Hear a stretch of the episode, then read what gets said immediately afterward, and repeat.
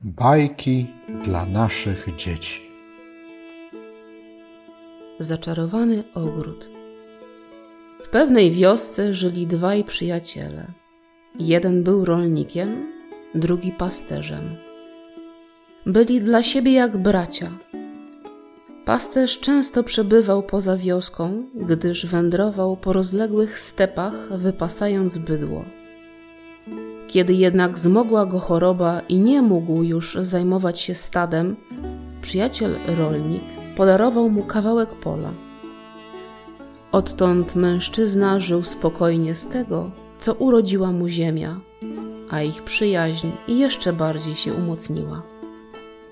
Ich życie płynęło całkiem spokojnie, ale tylko do czasu, kiedy pewnego dnia pasterz na swoim polu wykopał skrzynię ze złotem.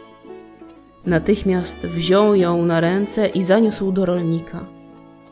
Przyjacielu, w ziemi, którą otrzymałem od ciebie, znalazłem złoto. Zatem jest ono twoje, powiedział i położył skrzynię. Ależ skąd? Teraz to twoja ziemia i złoto należy do ciebie, rzekł rolnik. Dyskusja przyciągała się w nieskończoność, bo jeden nie chciał ustąpić drugiemu. Ostatecznie udali się po radę do mędrca, który słynął z wielkiej roztropności. Ten zaś zawołał swoich trzech uczniów i kazał im rozstrzygnąć sprawę. Skrzynia była w ziemi, więc włóż ją tam z powrotem, powiedział pierwszy. Przynieśliście ją do mistrza, to teraz należy do niego, rzekł drugi leżała w ziemi, a ziemia jest własnością narodu. Narodem rządzi zaś władca. Myślę, że to jemu powinniście ją oddać, wyraził swoje zdanie trzeci uczeń. Nauczyciel jednak nie był zadowolony z ich odpowiedzi, dlatego przywołał czwartego podopiecznego i przedstawił mu sprawę. Myślę, że żaden z nich nie ma racji, usłyszeli od czwartego ucznia. Uważam, że za złoto, które oddała ziemia, trzeba urządzić ogród dla najbiedniejszych. Mogliby w cieniu drzew odpoczywać od trudów życia, pić czystą wodę i jeść owoce. Pasterz, rolnik i mędrzec uznali, że pomysł jest doskonały i czwarty uczeń powinien go zrealizować. Weź złoto i pójdź do miasta. Kup tam wszystko, co jest potrzebne do urządzenia takiego ogrodu, rzekł nauczyciel. Uczeń zapakował skrzynię ze złotem na konia i posłusznie udał się do miasta.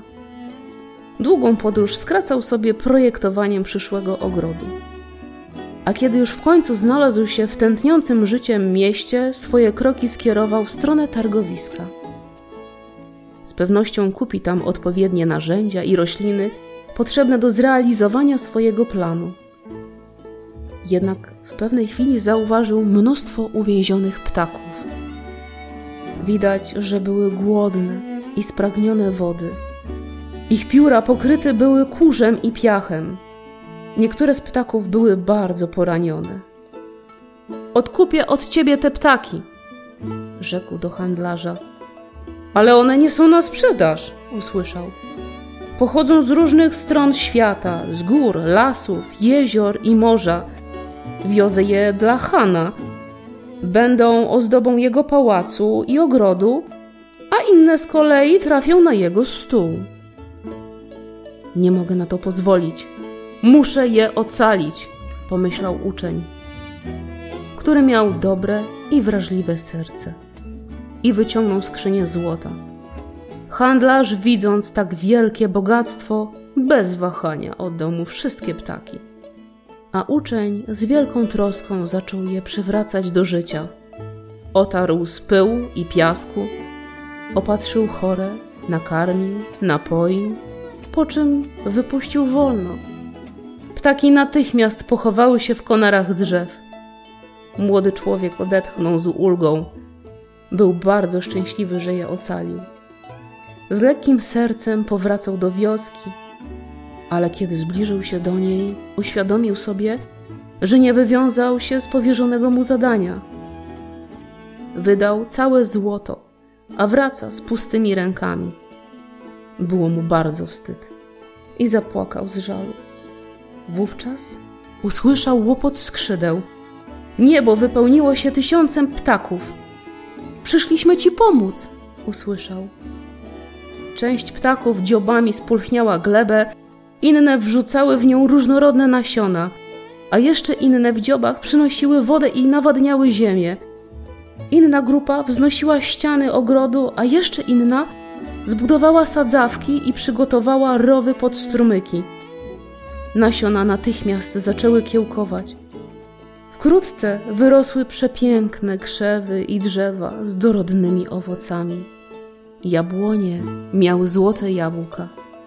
Zbiorniki z kryształowo czystą wodą przecinały soczyście zielone trawniki. Wieść o tym niezwykłym ogrodzie szybko rozeszła się po okolicy. Bogacze wskakiwali na konie, żeby zobaczyć go na własne oczy. Kiedy jednak próbowali wejść do środka, ściany ogrodzenia stawały się dużo większe, a bramy zamykały się na siedem spustów. Stawali więc na grzbietach koni, by wychwycić chociaż jedno z za zaczarowanych złotych jabłek. Ale gdy któregoś dotknęli, byli zrzucani na ziemię. Kiedy przychodzili ubodzy, wszystkie bramy stawały przed nimi otworem. Bez żadnych przeszkód mogli kosztować wspaniałych owoców.